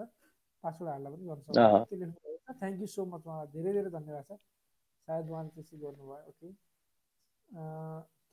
यो हामी भोलि पढौँला। तपाईँको सर हजुरको लागि आरपी सरले अस्ति राम्रो वाचन गरेर गजल प्रस्तुत गर्नुभएको कारणले गर्दा साथीहरूले आज पनि रिक्वेस्ट गर्नुभएछ तर हामीले स्पेसली फ्राइडे चाहिँ यसरी हाम्रो साहित्यतर्फ पनि हामी लाग्नेछौँ भनेर अघि सरले अपडेट गरिसक्नु भएको छ। भोलि गजल डे बनाउने हामी। भोलि इनकेस अफ हामीले त्यहाँ हेर्न सकभर त नबिर्सिएला है। त्यही पनि इनकेस बिर्सिहाल्यो भने तपाईँले भोलि बरु पठाउनु होला भोलि चाहिँ पढाउला आज पढिएन। हजुर सर विकली वान डे चाहिँ त्यसरी गर्दा कहिलेकाहीँ साथीहरूको यसो प्रतिभा पनि बाहिर प्रस्फुटन हुन्छ नि साथसाथै कहिलेकाहीँ रिप्लेसमेन्ट पनि हुन्छ सबैजनालाई। कुण्ठा हुने हुन्छ कि एउटा मनमा त्यो निस्किन्छ बाहिर बडो त्यही हाम्रो एकजना श्रमिक सञ्जालभित्रकै एकजना साथी हुनुहुन्छ। उहाँले यो आइडियालाई होइन हामी यो गर्नुपर्छ भन्नुभयो अस्ति एकदिन अनि हामीले ट्राई पनि गऱ्यौँ। ट्राई गर्दा साथीहरूको रेस्पोन्स पनि राम्रो आयो। मलाई लाग्छ हामी प्रदेशमा हुँदाखेरि हामी हाम्रो सधैँ दुःखकै मात्रै कहानी पनि हुँदैन सुखका पनि कहानी हुँदैन। दुःख सुख सबैको सबै ठाउँमा भइ नै हाल्छन् तर हाम्रो भावना साट्न पाइयो भने बडा आनन्द मन हल्का हुन्छ नि त। त्यो कारणले गर्दा यो क्वेसन हो यो आरपी सरको अलिकति सानो सानो भोइस आएको छ भनेर एउटा कमेन्ट आएको छ है सर। आरपी सरको भोइस सानो आयो भनेर। हजुर अरू दिन भन्दा सरको आज अलिकति सानो नै छ। सरले सायद अलिकति त्यहाँ ल्यापटप चेन्ज गरेको थियो होइन। ठिक छ त्यहाँ एउटा कमेन्ट आएको हुनाले मैले तपाईँलाई रिमाइन्ड मात्रै गरेको। होला होला। अलिकति सानो आयो कि कुनै मेरो माइक हजुर हो सर। अलिकति हजुरको आज अलिकति सानो नै छ भोइस ठिक छ हाम्रो एनपी तिवारीले सोध्नु भएको छ। नमस्कार सबैलाई म नारायण तिवारी। युएको फुजैराबाट। कोरोनाको सुई लगाए र यसमा केही असर भएन र अर्को सुई उन्नाइस दिनपछि लगाउनुपर्छ भनेको छ। दुईजना साथीहरूमा केही असर परेको जस्तो देखियो र अब म अब अर्को सुई नलगाउन भनेको छु। र कम्पनीले लगाउनु पर्छ भनेको छ। केही असर भएमा? कसलाई सम्पर्क गर्ने होला? युएको लागि भन्नुभएको छ। हजुर एनपी तिवारीजी हजुर अलिकति डराउनु भयो जस्तो छ। नडराउनु होला एउटा भ्याक्सिन लगाइसकेपछि अर्को पनि अवश्य लगाउनुहोस् नै भन्न चाहन्छु म। धेरैजना साथीहरूले यहाँ युएमा यसरी नै कमेन्ट गर्नुभएको देखेको थिएँ मैले। नेप्लिज लिभिङ इन युए ग्रुपमा पनि कति साथीहरूले म यो कोरोना विरुद्धको भ्याक्सिन चाहिँ लगाउँ कि नलगाउँ होला? यसले केही साइड इफेक्ट गर्छ कि? भनेर धेरै कमेन्टहरू पनि मैले पढेको थिएँ। तर नडराउनुहोस् अब कति न्युजहरू आएअनुसार अलिकति आत्तिनु भएको होला पनि जस्तो लाग्छ होइन? किनकि व्यक्तिको हाम्रो इम्युनो सिस्टम अनुसार हाम्रो शरीर अनुसार कसैलाई अलिकति थोरै साइड इफेक्ट गर्ने भनेर पनि डक्टरले भन्नुभएको छ। जस्तै अब कसैलाई अलिकति थकाइ जस्तो महसुस हुने रुगाखोकी ज्वरो आउने यस्तो हल्का साइड इफेक्टहरू चाहिँ देखिने टाउको दुख्ने जस्ता समस्याहरू हुन्छन् बान्ता हुने यस्ता समस्याहरू चाहिँ यस्ता साइड इफेक्ट यसले देखाउँछ। तर सबैमा होइन कतिजनाले लगाइसकेर पनि हामीलाई एक्सपिरियन्स सेयर गर्नुभएको छ। मलाई त्यस्तो केही पनि प्रब्लम भएन नर्मल भयो भन्नुभएको छ भने कसैले चाहिँ सामान्य साइड इफेक्टहरू सेयर गर्नुभएको छ। त्यही भएर नडराउनु होला लगाउनुहोस् हामी। जति लगाउँदा सुरक्षित हुन्छौँ अब नलगाउँदाखेरि अलिकति के होला कसो होला भन्ने अवस्था रहन्छ। त्यही भएर भ्याक्सिन लगाएर सुरक्षित रहनु नै अहिलेको समयमा चाहिँ एकदमै राम्रो हुन्छ भन्न चाहन्छु। हुन्छ धन्यवाद छ एउटा क्वेसन त्यसै गरी परदेशी रिदम राजजीले लेख्नु भएछ हेलो सर म्याडम नमस्ते म युएबाट हेर्दैछु। सर मेरो क्वेसन श्रम गरेको रिइन्ट्री गर्न मलाई युजर नेम पासपोर्ट थाहा छैन यसको सोल्युसन के होला भन्नुभएको छ? युजर नेम चाहिँ तपाईँले थाहा पाउन सक्नुहुन्छ आफ्नो पासपोर्ट नम्बर हालिसकेपछि त्यो रि रिइन्ट्री प्रोसेस तपाईँ Jio FEIMS dot GOV dot FEIMS dot DOFE dot GOV dot NP भन्ने वेबसाइटमा गइसकेपछि त्यहाँनिर रिइन्ट्री प्रोसेसको लागि हाल्ने भन्ने छ। त्यहाँ पासवर्ड हालेर सर्च गर्नुभयो भने पासपोर्ट नम्बरको तलपट्टि युजर आइडी भन्ने देखिन्छ। नम्बर वान युजर आइडी देखिहाल्यो। अब तपाईँको युजर आइडी देखिएको ठाउँमा त्यो युजर आइडी तपाईँको इमेल हो तपाईँको आफ्नो इमेल हो भने तपाईँलाई आइडिया के छ भने फर्गेट पासवर्ड गर्नुहोस्। आफ्नो इमेल एड्रेस युजर नामको ठाउँमा पनि त्यही हाल्नुहोस् इमेलको ठाउँमा पनि त्यही हाल्नुहोस्। अनि तपाईँको इमेलमा पासवर्ड रिसेट लिङ्क आउँछ। त्यसरी गर्न सक्नुहुन्छ नम्बर वान अब नम्बर टू तपाईँलाई केही पनि आइडिया छैन भनेदेखि नम्बर वान तपाईँले वान टू थ्री फोर हाल्नुहोस्। नम्बर टू तपाईँले आफ्नो पासवर्ड नम्बर हाल्नुहोस् अनि जिरो ठोरेर हाल्नुहोस् कसले जिरो सहित हाल्नुहोस्। यदि गर्दा पनि भएन भने अब तपाईँले अहिले हामीले भन्यौँ IT at the rate DOFE dot GOV dot एनपीमा एउटा मेल पठाएर यो मेरो पासवर्ड रिसिभ गरिदिनु पऱ्यो सर भनेर यसो अलि त्यो पनि गर्न सक्नुहुन्छ। यो एउटा आइडिया हो। हाम्रो चन्द्र चन्द्र रेता गियाले भन्नुभएको छ म छुट्टीमा नेपाल गएर आउन पाउँछ कि पाउँदैन सर? अहिले भन्नुभएको छ। कहाँबाट चाहिँ लेख्नु भएको छैन उहाँले? कुवेतमा भए पाइँदैन दुबईमा भए पाइन्छ होइन सर? दुबईमा भने अप्रुभल लिनु पर्यो कतारमा भए कम्पनीको एनओसी लेटर चाहियो अनि त्यहाँ पनि अप्रुभल चाहिन्छ कि हिसाबले कुवेतमा पनि पाइन्छ। कुवेतमा पनि पाइन्छ तर उहाँ दुबई हुँदै आउनु पर्यो। चौध दिन दुबईमा क्वारेन्टाइन बसेर फेरि कुवेतमा आएर चौध दिन क्वारेन्टाइन बस्नुपर्छ। डबल क्वारेन्टाइन हुन्छ होइन? लफडावाला सिस्टम भयो नि सर होइन? आउनु चाहिँ पाइयो। धेरै आउनु भएको छ हो अहिले अहिले कुवेतमा करिब करिब दस हजार जति कुवेत नेपालीहरू आइसक्यो भन्ने कुराहरू आएको छ। एभरेज दस हजार भन्नुभएको छ। दुबईबाट हुँदै। धेरै नेपालीहरू आउनु भएको छ। ठिक छ ल। केही छैन। धेरै साथीहरूले दुबई पनि घुम्ने अवसर पनि पाउनु भयो होला कति साथीहरूले होइन? घुम्नुभयो अब त दुबईमा त अलिक सजिलो छ अरे फेरि त पिसिआर नेगेटिभ हुने बित्तिकै पिसिआर नेगेटिभ हुने बित्तिकै हिँड्न पाइन्छ अरे यताउति जताततै जानुपर्छ अरे जस पाँच हजारभन्दा माथि नै आएको भन्ने कुराहरू आएको छ। अब ठ्याक्कै डाटा त आएको छैन। मैले दूतावासमा बुझेको थिएँ कति जति आयो होला भन्ने कुराहरू। दूतावासमा त्यस्तो डाटा त हुँदो रहेछ तर पनि हाम्रो धेरैजना साथीहरू आउनुभएको साथीहरूसँग कुराकानी भइरहेको छ त्यही हो। सुषमा म्यामलाई चाहिँ एउटा प्रश्न छ। अबुधाबीबाट घर घरमा लोकलको घरमा ड्राइभर काम गरे गर्छु पोहोर सालमा घर जान्छु भनेको घरमा काम गर्नेलाई श्रम बन्दैन भन्यो र भनेर भन्यो। एमबिसीले त्यसपछि घर जान पाएको छैन। म सेकपोत सिटीमा बस्छु भन्नुभएको छ। यो विषयमा आरपी सरले दिनु होला हजुर। आरपी सरलाई अलिक बढी श्रम सम्बन्धी चाहिँ आरपी सरलाई मजाले जानकारी छ। मैले के आइडिया दिएँ भने तपाईँ जो साथी हुनुहुन्छ तपाईँ जुन सेकको घरमा काम गर्नुहुन्छ लोकलको घरमा यदि त्यो घरमा ड्राइभरको भिजा छ मान्छेको नाम छ भनेदेखि चाहिँ पाइँदैन श्रम। राइट कुरा हो। एम्बेसीले नै भनेको नपाइने नै हो। तर कहिलेकाहीँ चाहिँ मिस हाम्रो इन्फर्मेसन पनि हुनसक्छ। यदि तपाईँले त्यही घरमा श्रम गरेर पहिला आउनुभएको थियो भने चाहिँ तपाईँले एम्बेसी लेटर लेटर दिन्छ। त्यो लेटर लिएपछि श्रम गर्न सक्नुहुन्छ है नम्बर वान त्यही हो। अब नम्बर टू अरू अवस्थाहरूमा तपाईँले यदि सेको अथवा जसको घरमा काम गर्नुहुन्छ होला तपाईँ यस्तो अवस्थामा तपाईँ लामो समय घरमा फर्केको तपाईँको जब राम्रो छ भनेदेखि चाहिँ हुन त यो गतिलो अप्स अप्सन त होइन। अब हामीले हाम्रै साथीलाई यस्तो कुरोहरू सेयर गर्ने कि नगर्ने भन्ने कुरा हो। तपाईँले त्यो कम्पनीको जुन घरमा तपाईँ काम गर्नुहुन्छ उहाँको आफ्नै कम्पनी होला अथवा अरू कसैको कम्पनीबाट उहाँले भनेर भने तपाईँले अब भिजा रिन्यू गर्ने बेलामा अर्कै अर्कै भिजा लगाउन सक्नुहुन्छ तपाईँ। यो एक्ज्याक्टली एउटा भिजा लगाएर अर्को ठाउँमा काम गर्नु पाइँदैन त्यो राम्रो होइन पनि। तर मानौँ फर इक्जाम्पल तपाईँ जसको घरमा काम गर्नुहुन्छ उसैको एउटा कम्पनी छ। भनेदेखि त उसले त कम्पनीको भिजा लाउन सक्यो त्यो अवस्थामा। त्यसरी काम गरेका धेरै हुनुहुन्छ। त्यो राम्रो वेमा है फेरि किनभने हाम्रो हाम्रो जस्तै हाम्रो देशले रोकेको तपाईँ हामीले काम गर्न नपाइयोस् भनेर श्रम स्वीकृति हाउसमेटलाई नदिन रोकेको त होइन। हाम्रो चाहिँ श्रम स्वीकृति हाउसमेट अथवा डोमेस्टिक वर्करमा लगेर धेरै अप्ठ्यारोमा पार्ने कारणले गर्दाखेरि नै रोकेको त हो नि। तर सबै तपाईँ जस्तो त हुँदैन होला तपाईँले राम्रो घरमा हुनुहुन्छ राम्रो ठाउँमा काम गर्नुहुन्छ तपाईँ श्रमकै कारणले गर्दा नेपाल फर्किनै पाउनु भएको छैन भने यस्तो अवस्थामा त्यो एउटा अप्सन हुनसक्छ भन्ने मात्रै कुरा हो। त्यो तर कुवेतमा चाहिँ कुवेतमा चाहिँ त्यस्तो अप्सन छैन सर। कुवेतमा चाहिँ अहिले ट्वेन्टी भिसा भन्छ जुन यो घरेलु कामदार भिसा त्यो भिसाहरू एट्टिन भिसा अथवा कम्पनी भिसामा ट्रान्सफर पाउँदैन। बन्दै गरेछ घरको भिजा क्यान्सल भयो। क्यान्सल भएपछि कम्पनीको भिजा लगायो। त्यही कम्पनीमा धेरै त्यस्तो हुनुहुन्छ धेरै। नर्मल्ली यसो हेर्दाखेरि होइन यो इलिगल जस्तो पनि त छ नि सँगलाई तर एक्ज्याक्टली अब। त्यो त्यसलाई त्यो राम्रो राम्रो उपाय पनि हो। राम्रो उपाय पनि हो मिल्यो भने। तर कुवेतमा चाहिँ छैन। ओहो। त्यहाँनिर मानव बेचबिखन अथवा तस्करीका कामहरू चाहिँ हुँदैनन् त्यतिमा। किनभने बुझ्ने मान्छेले मात्रै त्यो गर्छ नि त नबुझ्ने त्यो गर्दैन। अँ। ओके अब उहुँ। म्याम, हजुर त्यसैबाट चुडामणि पौडेलजीले लेख्नु भएको छ सुशेष युएको कोरोना खोप बारेमा भनिदिनुहोस् न भन्नुभएको छ अहिले कोभिडको भ्याक्सिनेसन चलिरहेको हुँदा धेरै साथीहरूलाई यो कस्तो होला लगाउने कि नलगाउने कहाँ लगाउने होला कसरी रजिस्टर गर्ने होला कसरी चाहिँ लगाउन सकिन्छ भनेर धेरैजना साथीहरूको क्वेसन मैले देखेको छु। त्यही भएर हजुरले यदि कोभिड यो भ्याक्सिनेसन लिन चाहनुहुन्छ भने चाहिँ हामीले यो डिएचए दुबई हेल्थ अथोरिटीको त्यो एप्स हामीले डाउनलोड गर्नुपर्ने हुन्छ। त्यो डाउनलोड गरिसकेर हजुरले रजिस्टर गर्नु होला त्यहाँ हामीले च्याट पनि गर्न सकिन्छ। त्यहाँ टोल फ्री नम्बरहरू पनि दिएको हुन्छ। त्यसमा गएर कन्ट्याक्ट गर्नुहोस् र हामीले एपोइन्टमेन्ट लिनुपर्ने हुनसक्छ। एपोइन्टमेन्ट लिइसकेपछि हजुरले जान सक्नुहुन्छ। त्यसै गरी कति एरियाहरूमा चाहिँ वाक इन पनि भ्याक्सिनेसन प्रोग्राम चलिरहेको छ भन्ने सुन्नमा आएको छ। हामीले आज यहाँ सार्जामा पनि वाक इन यो expo centre Sharjah expo centre त्यहाँ चाहिँ अस्ति यो बुक फेयर पनि भएको थियो।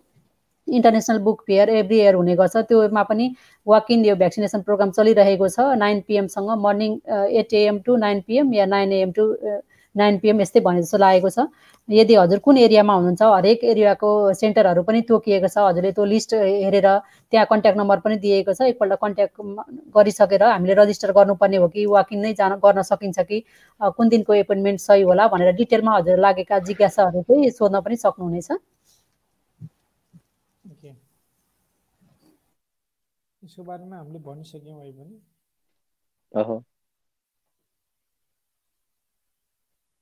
ओहो अरू क्वेसनहरू त धेरै छन् कमेन्टहरू।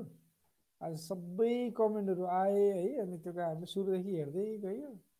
साथीहरूले गोविन्द अधिकारीजीले मेरो जिज्ञासा राख्न सक्छु सर भन्नुभएको छ अवश्य पनि आफूमा लागेका जिज्ञासाहरू लेख्नु होला। हामीले सकेसम्मको हामीलाई जानकारी भए अनुसारको हाम्रो एक्सपिरियन्स चाहिँ पक्कै पनि सेयर गर्नेछौँ। हाम्रो बेल तमुजीले लेख्नु भएको छ के अरे सर नमस्ते तिस तारिक घर जाँदैछु। छुट्टिसकेर फर्किँदाखेरि कुनै बात बाधा याचनाहरू आउँछन् कि भन्नुभएको छ? यो चाहिँ अब कहाँबाट हो चाहिँ भन्नु ए कुवेतबाट रहेछ। अब कुवेतको लागि त अहिलेसम्म नेपाल लगायत पैँतिस देशबाट डाइरेक्ट फ्लाइट छैन। तपाईँ युए को क्वारेन्टाइन बसेरै आउनुपर्ने हुन्छ चौध दिन। अब अहिले तत्कालसम्म खोल्ने सम्भावना पनि छैन र कुवेत सरकारले स्पेसल्ली अहिले यो नयाँ कोरोनाको वेब आएपछि सकेसम्म कुवेती नागरिक र आप्रवासीहरूलाई यात्रा नगर्न भनेर अनुरोध पनि गरेको छ। त्यसकारण अब हामी यसै त भन्न सक्दैनौँ भोलि कसैले देखाउँदैन तर जानै पर्ने काम भए चाहिँ कम्पनीले दिन्छ भने जाँदा पनि हुन्छ तर फर्किनको लागि अलिकति समस्या हुनसक्छ। त्यही नै हो। होइन सर? एकदमै। अहिले दुबईबाट अबुधाबीमा यात्रा गर्न कोरोना टेस्ट गर्नुपर्छ पर्दैन भन्नुभएको छ ल अमर दाहालजीले। हजुर अम्बर दाहालजीले नमस्कार अबुधाबी के भन्नुभएको छ दुबईबाट अबुधाबीमा यात्रा गर्नलाई कोरोना टेस्ट गर्नुपर्छ कि पर्दैन भन्नुभएको छ। अवश्य पनि गर्नुपर्छ। अबुधाबी बोर्डरमा चाहिँ हामीले कोभिड टेस्ट गरेर नै पिसिआर टेस्टको नेगेटिभ रिजल्ट भएको खण्डमा मात्रै अबुधाबी इन्ट्री गर्न पाउँछौँ। तर अस्ति पनि मैले सेयर गरेको थिएँ जस्तै यो कोभिड थर्डको चाहिँ भ्याक्सिनेसन प्रोग्राम भइरहेको हुँदा यदि त्य- त्यसको लागि चाहिँ यदि भोलिन्टियर हुनुहुन्छ हजुरले रजिस्टर गर्नुभएको छ तेस्रो फेजको लागि भने हजुरहरूले चाहिँ पिसिआर टेस्ट बिना नै अबुधाबी इन्ट्री गर्न सकिन्छ। नत्र भने चाहिँ हामी अरू जति पनि छौँ रेसिडेन्ट्सहरू अरू इमिरेट्समा बस्नेले ले या त अबुधाबीमै बस्नुभएका साथीहरू पनि केही दिनको लागि या त्यही कुनै दिनको लागि आउट अफ इमिरेट्स हुनुहुन्छ भने अबुधाबी इन्ट्री गर्दा चाहिँ हामीले अनिवार्य रूपमा कोभिड टेस्ट गर्नै पर्ने हुन्छ।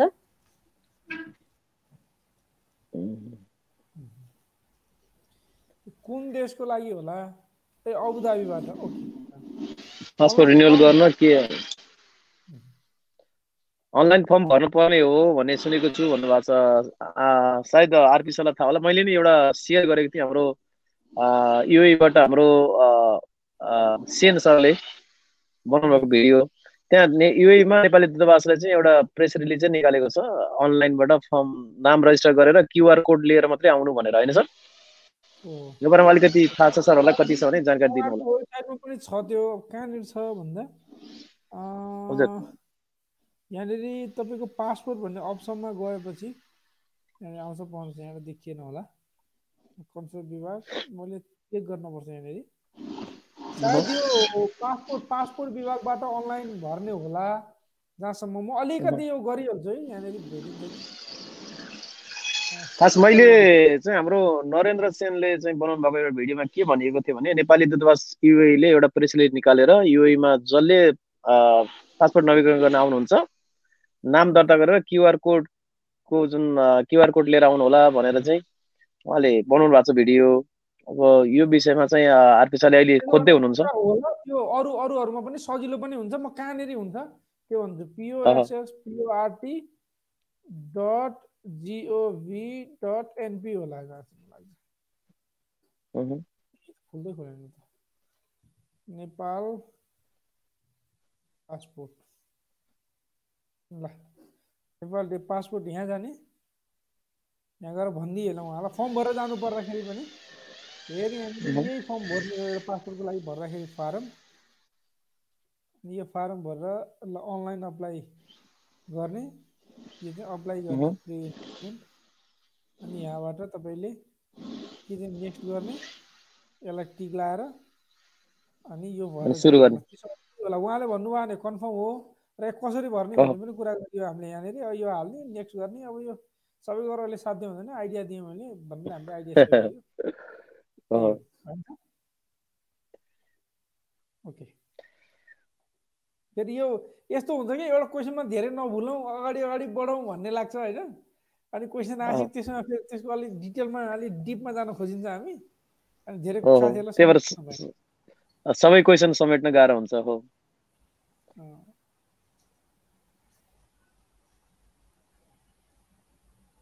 अँ, बनेर गएको उहाँले लेख्नु भएको छ चुडामणि पौडेलजीले हरि सर कुवेतमा इलिगल बनेर नेपाल गएको अब फेरि कुवेत आउन मिल्छ मिल्दैन भन्नुभएको छ। इलिगल दुई किसिमको हुन्छ। एउटा इलिगल चाहिँ भिसा मात्रै सकेर कुनै पनि तपाईँको केस नभएको इलिगलहरू जस्तो एमनेस्टी मार्फत जानुभएको छ। उहाँहरू चाहिँ आउन पाउनुहुन्छ। तर जो जो अरू समस्याहरू भएर डिपोर्टेसन मार्फत इभन भागेको केसमा पनि डिपोर्टेसनबाट जानु जानुभएकोहरू आउन पाउनुहुन्न। त्यो एमनेस्टीबाट जानेहरू पनि छ महिना काटेपछि मात्रै आउन पाउनुहुन्छ। र सबभन्दा बेटर वे भनेको तपाईँले चेक पनि गर्न सक्नुहुन्छ अनलाइनबाट। तपाईँको नाममा कुनै ब्ल्याक लिस्टमा नाम छ कि छैन भनेर सिभिल आइडीको सिभिल आइडी नम्बर राखेर चेक गर्न पनि मिल्छ। चेक गर्न मिल्छ। मिल्छ। अहिले चाहिँ खास अहिले त्यस्तो पऱ्यो भनेदेखि हामीले चाहिँ। हो। हामीले यो चाहिँ अहिले कुवेत एयरपोर्टमा रहेको साथीहरू मार्फत सहयोग लिएको छौँ। त्यहाँ एयरपोर्टमा एउटा काउन्टर छ। सिभिल आइडी लिएर नम्बर लगेर यसमा केस छैन भनेर हेर्दैन। तिनीहरूले केस हेरिदिन्छ। नर्मल्ली। एमबेसीहरूले गर्छ एकदमै सजिलोसँग हेर्छ अहिले। सबै मन्दुपरले हेर्न मिल्छ। हामीसँग त्यस्तो एक्सेस नभए पनि हामीले कोही साथी मार्फत चाहिँ हेर्न सक्छौँ अहिले। त्यस्तो धेरै हेरेको छु मैले। हुन्छ अब युएमा कोही साथीहरू हुनुहुन्छ तपाईँहरूले कतै चिने जानेको यताउता हेर्न सक्ने सिस्टममा भनेदेखि हामीलाई कन्ट्याक्ट गर्नु होला मलाई चाहिँ त्यो अनलाइनमा पब्लिकल एक्सेस छैन र मेरो आफ्नो हाम्रो श्रमिक सञ्जालको एकदम नजिकको चिनेको कोही साथीहरू पनि छैन जसले गर्दाखेरि कहिलेकाहीँ कोही साथीहरूले मेरो ब्ल्याक लिस्टमा छ कि इमिग्रेसन ब्लकमा छ कि भन्यो भने त्यो थाहा हुँदैन। त्यो त्यो अलिकति अप्ठ्यारो छ। त्यो एमबेसीले चाह्यो भने चाहिँ एकै सेकेन्डमा हेर्न सक्छ फेरि। एम्बेसीले चाह्यो भने हेर्न सक्छ। है जहाँसुकैको एम्बेसीले हो? सक्छ। कि कुवेतको चाहिँ सक्छ किनभने मैले धेरैजनाको हेरिदिएको छु होइन? श्रम सचारी मार्फत। त्यो एक्सेस हुने भयो। उहाँहरूले अब आफ्नो मन्दुबलाई लगाएर हेर्ने होला कुनै सिस्टम हुन्छ होला सायद। तर अहिले एमओआई भन्नेको एउटा एप्लिकेसन छ त्यहाँबाट पनि तपाईँले आफ्नो विरुद्ध केस सेक्सन चाहिँ हेर्न मिल्छ हजुर अरू फाइनेन्सियल केसहरू यताउता हेर्न पर्ने छ जस्तै कन्ट्री छोडेर गइसकेको मान्छेको अब त्यो ब- ब्यान छ कि छैन भन्ने हेर्नलाई। गाह्रो भयो कि। त्यो त्यो चाहिँ एमबेसी मार्फत हेर्नु पर्यो एमबेसी मार्फत हेर्न सकिन्छ ओके अ, गोविन्द अधिकारी सरले हरि सर नमस्कार म गोविन्द अधिकारी साउदेखि मेरो समस्या परेको धेरै नै भयो। सरसँग सँग कुरा गर्न राख्न सक्छु भन्नुभएको छ। तपाईँले म्यासेज गर्नुहोला। हाम्रो श्रमिक सञ्जालको ग्रुपमा गर्दा नि हुन्छ। यही फेसबुक पेजमा अथवा मेरो हरिकृष्ण नेपाली भन्ने एउटा फेसबुक आइडीमा गर्दा नि हुन्छ। सायद तपाईँसँग एकपल्ट कुरा पनि भएको थियो होला सायद। सायद जस्तो लाग्छ मलाई। उहाँले पठाउनु भयो भने सजिलो हुन्छ। इन्द्र मगरजीले कुवेतको बारेमा एकदमै राम्रो लेख्नु भएको छ नमस्कार म्याम सरहरूलाई। आज कुवेतमा साह्रै नै चिसो हावाहुरी चलिरहेको छ। कृपया कुवेतमा रहनुहुने सम्पूर्ण नेपालीहरू सुरक्षित रहौँ र न्यानो कपडा लगाउनु होला। अनि हाम्रो आरपी सरको भोइस सानो आइरहेको छ भन्ने जानकारी दिन चाहन्छु। भन्नुभएको छ। होइन अहिले ठिक छ। अहिले ठिक छ। अघि नै केही बेर चाहिँ सानो सानो हात थियो त्यही भएर होला। अहिले मैले माइक मुखैमा नजिकै लगेर बोल्न थालेँ थ्याङ्क यू इन्द्र सर विशेष गरी मैले अघि सेयर पनि गरेको थिएँ। कुवेतमा आजदेखि तिस जनवरीसम्म दस दिनको लागि चाहिँ टेम्परेचर एकदमै डाउनमा जाने भनेको छ र हाउरी पनि लाग्न सक्ने जिरो डिग्रीसम्म जान सक्ने भनेको छ। त्यही भएर सबैजना अलिकति सुरक्षित रहनु होला युएमा त सुषमाले भनिहाल्नुभयो। कुहिरो लगाइरहेको त्यस्तो हुसु लगाइरहेको छ। विशेष रोडमा यात्रा गर्ने श्रमिक दाजुभाइ दिदीबहिनीहरूले चाहिँ एकदमै याद गर्नुपर्छ। त्यही हो। अब हामी लगभग लगभग अन्तिम अन्तिमतिर छौँ कतिवटा कमेन्टहरू लिन भइन्छ फटाफट हजुर आरपी सर त्यसै गरी एकजना साथी यहाँ फेसबुक युजर भन्ने एकजना साथीले कमेन्ट गर्नुभएको थियो। यो प्रत्येक हप्तामा एकपल्ट कोभिड टेस्ट गर्नुपर्ने भन्ने नियम सम्पूर्ण युएमा चाहिँ सम्पूर्णको लागि हो कि कसको लागि हो? न्युजमा सुनेको थिएँ भन्नुभएको थियो।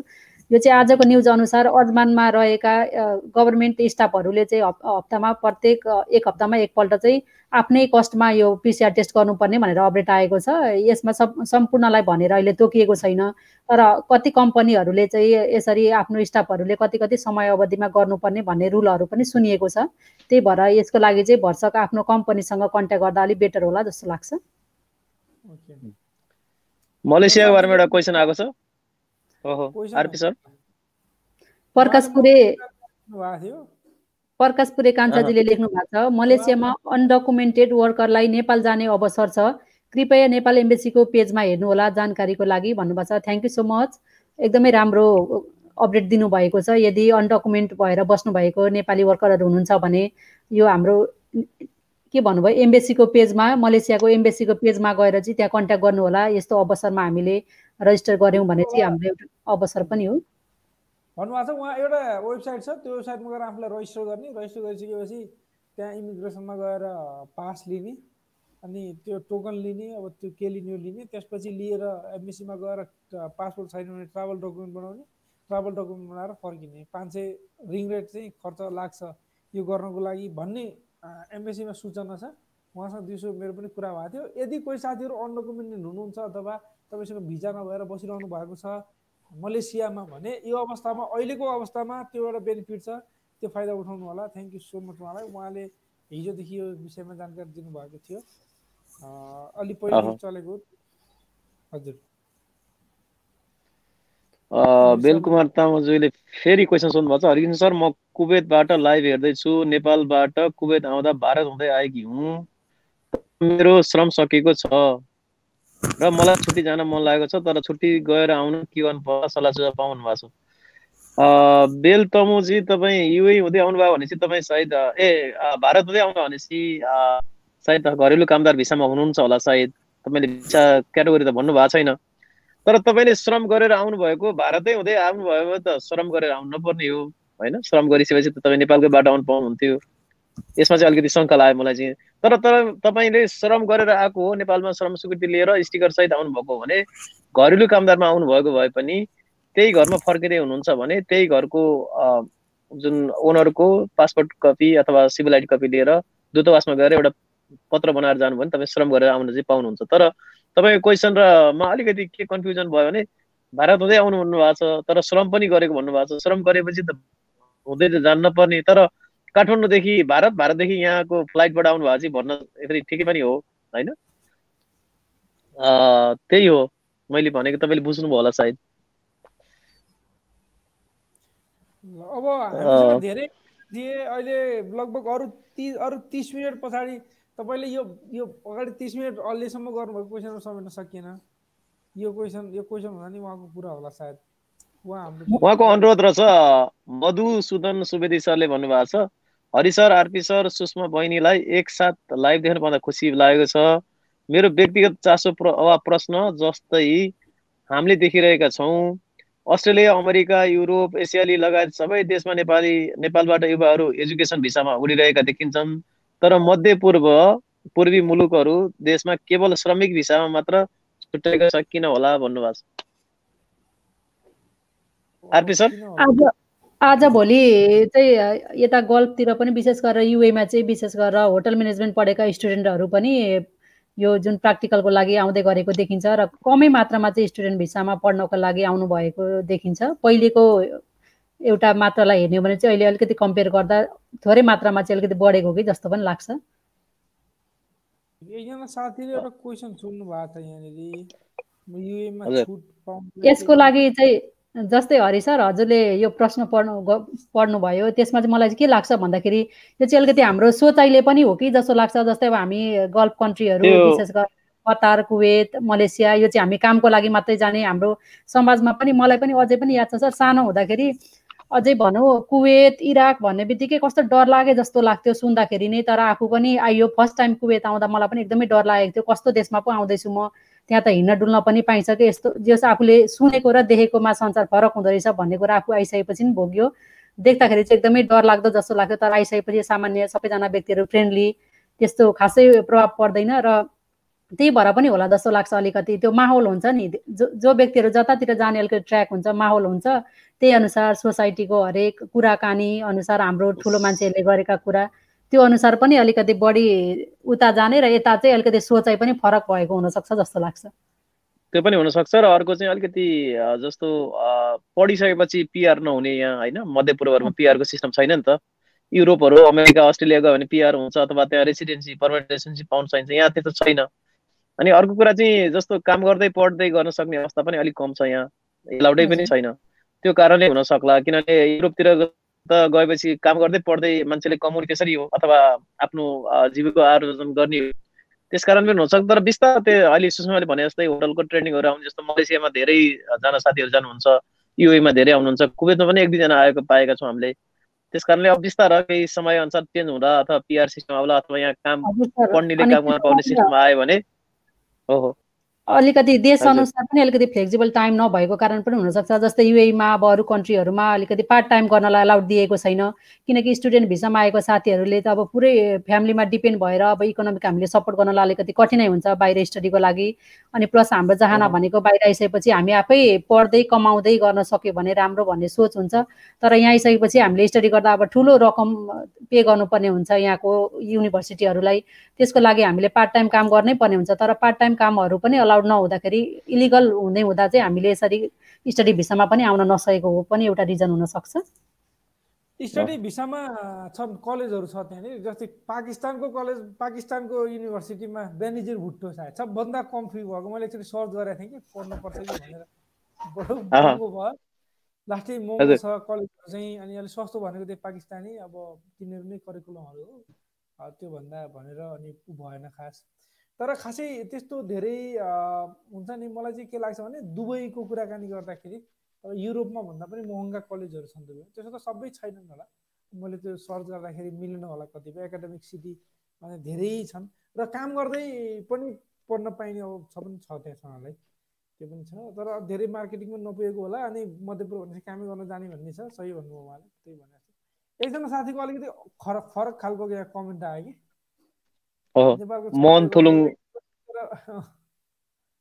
हजुर तारा आचार्यजीले लेख्नु भएको छ नेपालको छ बजे भए हामी पनि सुन्ने मौका पाउने थियौँ कि सामाजिक सञ्जाल सर म्याडम एक निन्द्रा पुर्याएर सुन्ने मौका पाइयो गुड इभिनिङ गुड नाइट भन्नुभएको छ हजुरले भन्नुभएको कुरा त एकदम सही हो तर अब हामीले अलिकति हाम्रो मध्यपूर्वका देशहरूमा बस्नुभएको साथीहरूलाई समेट्नु पर्ने हुँदा उहाँहरू अब यहाँको सात बजे ड्युटी सकेर आउँदाखेरि आठ बजेदेखि हामीले प्रायः जस्तो आठ साढे आठदेखि हाम्रो प्रोग्राम सुरु गर्छौँ।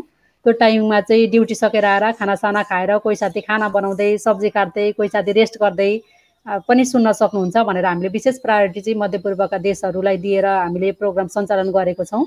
अवश्य पनि हजुरले पनि टाइम मिलेसम्म चाहिँ जोडिनु होला सुन्नु होला यदि भ्याउनु भने अर्को दिन पनि हाम्रो यो लाइभ नहेरे तापनि रेकर्डेड प्रोग्रामलाई पनि हेर्न सक्नुहुनेछ। एकदमै र एक ऊ पनि हो एकदम गजबको कुरा के हुन्छ भने टाइमिङ फरकको कारणले गर्दाखेरि चाहिँ कहिलेकाहीँ हुन्छ नि जस्तै रिलेसन बिग्रिने कारण हुन्छ एउटा यो माइन्डमा आइहाल्यो ठ्याक्क भनिहालेँ मैले।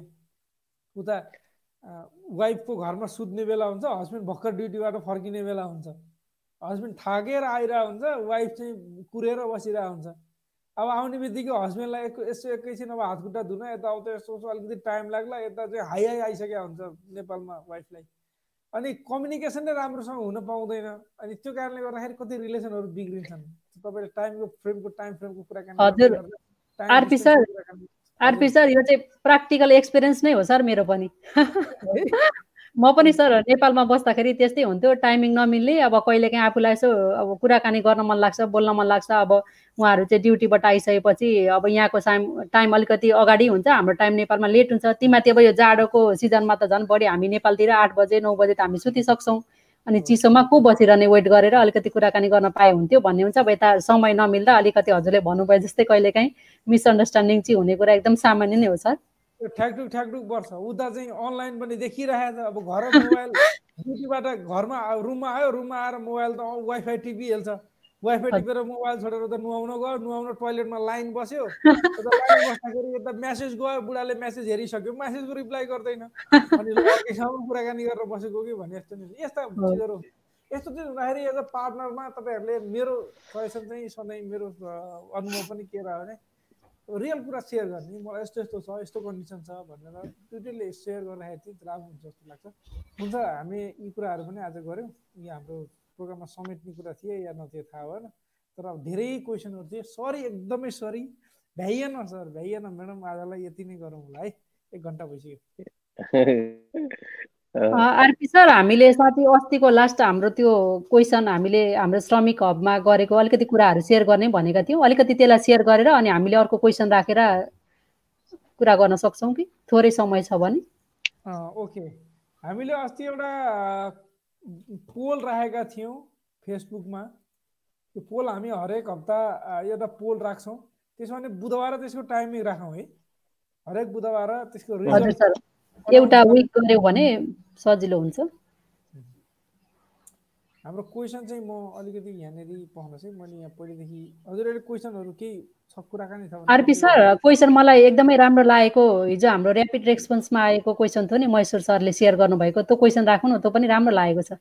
त्यसमा अप्सन अप्सन राख्नुपर्छ अप्सन राख्यो भने फेरि तपाईँको अप्सन राखेपछि थाहा पाइहाल्नुहुन्छ साथीहरूले। थाहा पाउनुहुन्न होला सर मैले त थाहा पाएको थिइनँ। अप्सन थिएन नि त तपाईँ त्यहाँनिर हजुरले अप्सन नराखिकन क्वेसन सोध्न सकियो। के गरौँ ए त्यो त्यही क्वेसन राखौँ न केही छैन। होइन अप्सनै राखौँ न के भयो पुरानो पुरानो मान्छेहरूको क्वेसन अप्सन राखिदिनु थाहा पाउनु भयो ठिकै छ। हजुर पुरानो पुरानो लेखौँ सर त्यसको अप्सनहरू भने हजुरले सोध्नुहोस् ल। हजुर हुन्छ ल मैले क्वेसन सोध्न चाहेँ। यो चाहिँ हाम्रो श्रमिक सञ्जालकै ग्रुपमा हाम्रो साथीहरूले नै सोध्नु भएको उठाउनु भएको क्वेसन थियो। हामी पनि यो चाहिँ अलिकति अलमल्लमा परेको थियो अलिकति छुट्टै किसिमको अलिकति नसुनेको खालको क्वेसन आयो भनेर। अब हजुर को होला खुन्दोली जस्तो भएको थियो। नेर नेर चाहिँ आइएको थियो तर ठ्याक्कै हामीले पत्ता लगाउन सकेन। हामीले पास दिएको थियौँ क्वेसनलाई र मैले क्वेसन सोध्न गइरहेको छु। नेपालबाट सर्वप्रथम वैदेशिक रोजगारीमा जाने व्यक्ति को थिए भनेर को हुन् भनौँ न कसरी राखौँ सर को थिए सबैभन्दा पहिला वैदेशिक रोजगारीमा जाने व्यक्ति को थिए होला? हजुर। तपाईँलाई के लाग्छ होइन? हजुर को थिए होला लेखौँ। कमेन्ट लेख्न सक्नुहुन्छ। त्यो कमेन्ट चाहिँ यहाँनिर आउँछ। हाम्रो श्रमिक चौतारी भन्ने एउटा ग्रुप छ। त्यो ग्रुपमा तपाईँ जोइन हुन सक्नुहुन्छ। तपाईँ आफ्नो साथीहरूलाई यहाँ गएर इन्भाइट गर्न सक्नुहुन्छ तपाईँहरूको जो जो साथीहरू हुनुहुन्छ उहाँलाई जो जो विदेशमा बस्नुहुन्छ सबै साथीहरूलाई ग्रुपमा लिएर आउनुहोस्। हामी एकत्रित भयौँ सँगैसँगै सहयात्रा गरौँ किनभने पेज भनेको हामीबाट मात्रै सञ्चालित हुन्छ अथवा हामीले पोस्ट गऱ्यौँ भने पेजमा आउँछ होइन भने आउँदैन। ग्रुप भनेको तपाईँले पोस्ट गर्दाखेरि पनि आउँछ र तपाईँ यसमा आफ्नो सहभागिता पनि जनाउन सक्नुहुन्छ। अस्ति भर्खर जनवरी तेह्रमा हामीले एउटा पोल राखेका थियौँ एउटा क्वेसन सोधेको आजको क्वेसन चाहिँ नेपालबाट विदेशमा श्रमिकको हकमा श्रम गर्नको लागि जाने सबभन्दा पहिलो व्यक्ति को हुनुहुन्छ होला? त्यो क्वेसन हो हामीले केही पोइन्टहरू पनि राखेर यहाँनिर पोल बनाउला। तपाईँले आफ्नो भोट त्यहाँ गर्न सक्नुहुन्छ। अस्तिको हाम्रो क्वेसन थियो तपाईँलाई के लाग्छ? कोभिड नाइन्टिनको कारण धेरै श्रमिक साथीहरू नेपाल फर्किनु परेको छ। यसको मेन रिजन चाहिँ के होला भनेर धेरै दुई चारवटा रिजनहरू हामीले राखेका थियौँ। जस्तै यसमा जागिर गुमेको कारण जसमा छयालिसवटा भोट परेका छन्। नेपालमा केही गर्ने सोच बोकेर आठजना फर्किनु भएछ त्यसमा। अथवा उहाँहरूलाई त्यस्तो लाग्यो उहाँहरू फर्किनु भयो भएन थाहा छैन। अर्को कम्पनी नै बन्द भयो त्यसमा सातजना। मतलब हामीले यसबाट अलिकति के आइडिया लगाउन सकियो भने धेरै कम्पनीहरू बन्द भएर साथीहरू फर्किन सायद परेन होला। कम्पनी रन हुँदाहुँदै उहाँहरूले जागिर गुमाउनु पर्यो। सायद त्यो कारणले गर्दा धेरै साथीहरू फर्किनु पर्यो। हामीलाई जस्तो लाग्यो। अब यो अवस्थामा फेरि नयाँ कम्पनीहरू धेरै बन्द भएका थियौँ भने फेरि नयाँ रिक्रुटमेन्ट सुरु हुने बित्तिकै हाम्रो साथीहरू फर्किन सक्नुहुन्छ अथवा त्यति डरलाग्दो स्थिति छैन भन्ने कुरो जस्तो जति साथीहरूले सहभागिता जनाउनु यो देखियो। र हामीले यहाँनिर हाम्रो श्रमिक चौतारीमा सेयर गर्छौँ तपाईँहरू पनि यो चाहिँ अहिले आइक्यू जस्तो पनि हुने भयो होइन? आइक्यू नै भन्छ कि के भन्छ त्यसलाई? आइक्यू नै भनौँ न। कुनै एउटा क्वेसनै भनौँ न। हजुर यसो सामान्य ज्ञान जस्तो भयो। हामीलाई यसो जेनरल नलेज पनि हुन्छ नि अपडेट भइरहेको छौँ कहिलेकाहीँ हामीले सर यसरी नै वैदेशिक रोजगारीसँग रिलेटेड यस्ता प्रश्नहरू राख्दै गयौँ भने हामीले कति हामीलाई एउटा आइक्यू जस्ता यस्ता सामान्य ज्ञानका कुराहरू पनि हामीलाई थाहा हुँदै जान्छन् नि। एकदमै। र आजको लागि हामीले तपाईँका क्वेसनहरू समेट्न नसकेकोमा एकदम क्षमा प्रार्थी छौँ। सुरुदेखि समेट्छौँ भन्न भन्दै कुनै दिन हामी एकदम लामो तिन चार घन्टै बसौँला पढौँला जस्तो मलाई अरू केही कुरै नगरिकन। र हाम्रो कार्यक्रममा तपाईँहरू जस्ट कोही साथीहरू सुरु अहिले लास्टतिर आउनुभयो भने सुरुको इन्फर्मेसन मात्रै हेर्न चाहनुहुन्छ भने सुरुको बिस मिनटको पार्ट चाहिँ तपाईँले इन्फर्मेसन मात्रै पाउनुहुन्छ त्यसपछि गफ हो सबै त्यो कारणले गर्दा अब छुट्यौँ होला। हजुर सर पछि कुनै दिन समय मिलेमा हामी युट्युबबाट त्यसरी अलिकति धेरैजना हामी श्रमिक सञ्जालको साथीहरू वर्ष धेरै प्रश्नहरू समेट्न सक्ने गरी साथीहरूले जसरी कमेन्टबाट पनि रेस्पोन्स दिन सक्ने तरिकाले पनि हामीले कुनै दिन त्यस्तो लाइभ गर्न सक्नेछौँ यदि समय मिलेमा। एक्ज्याक्टली एक्ज्याक्टली हुन्छ आजको लागि आजको लागि छुट्यौँ हजुर जहाँ हुनुहुन्छ जस्तो हुनुहुन्छ स्वस्थ रहनुहोला सुरक्षित रहनुहोला। हस् रात्रिकालीन नमस्कार सम्पूर्णमा। Thank you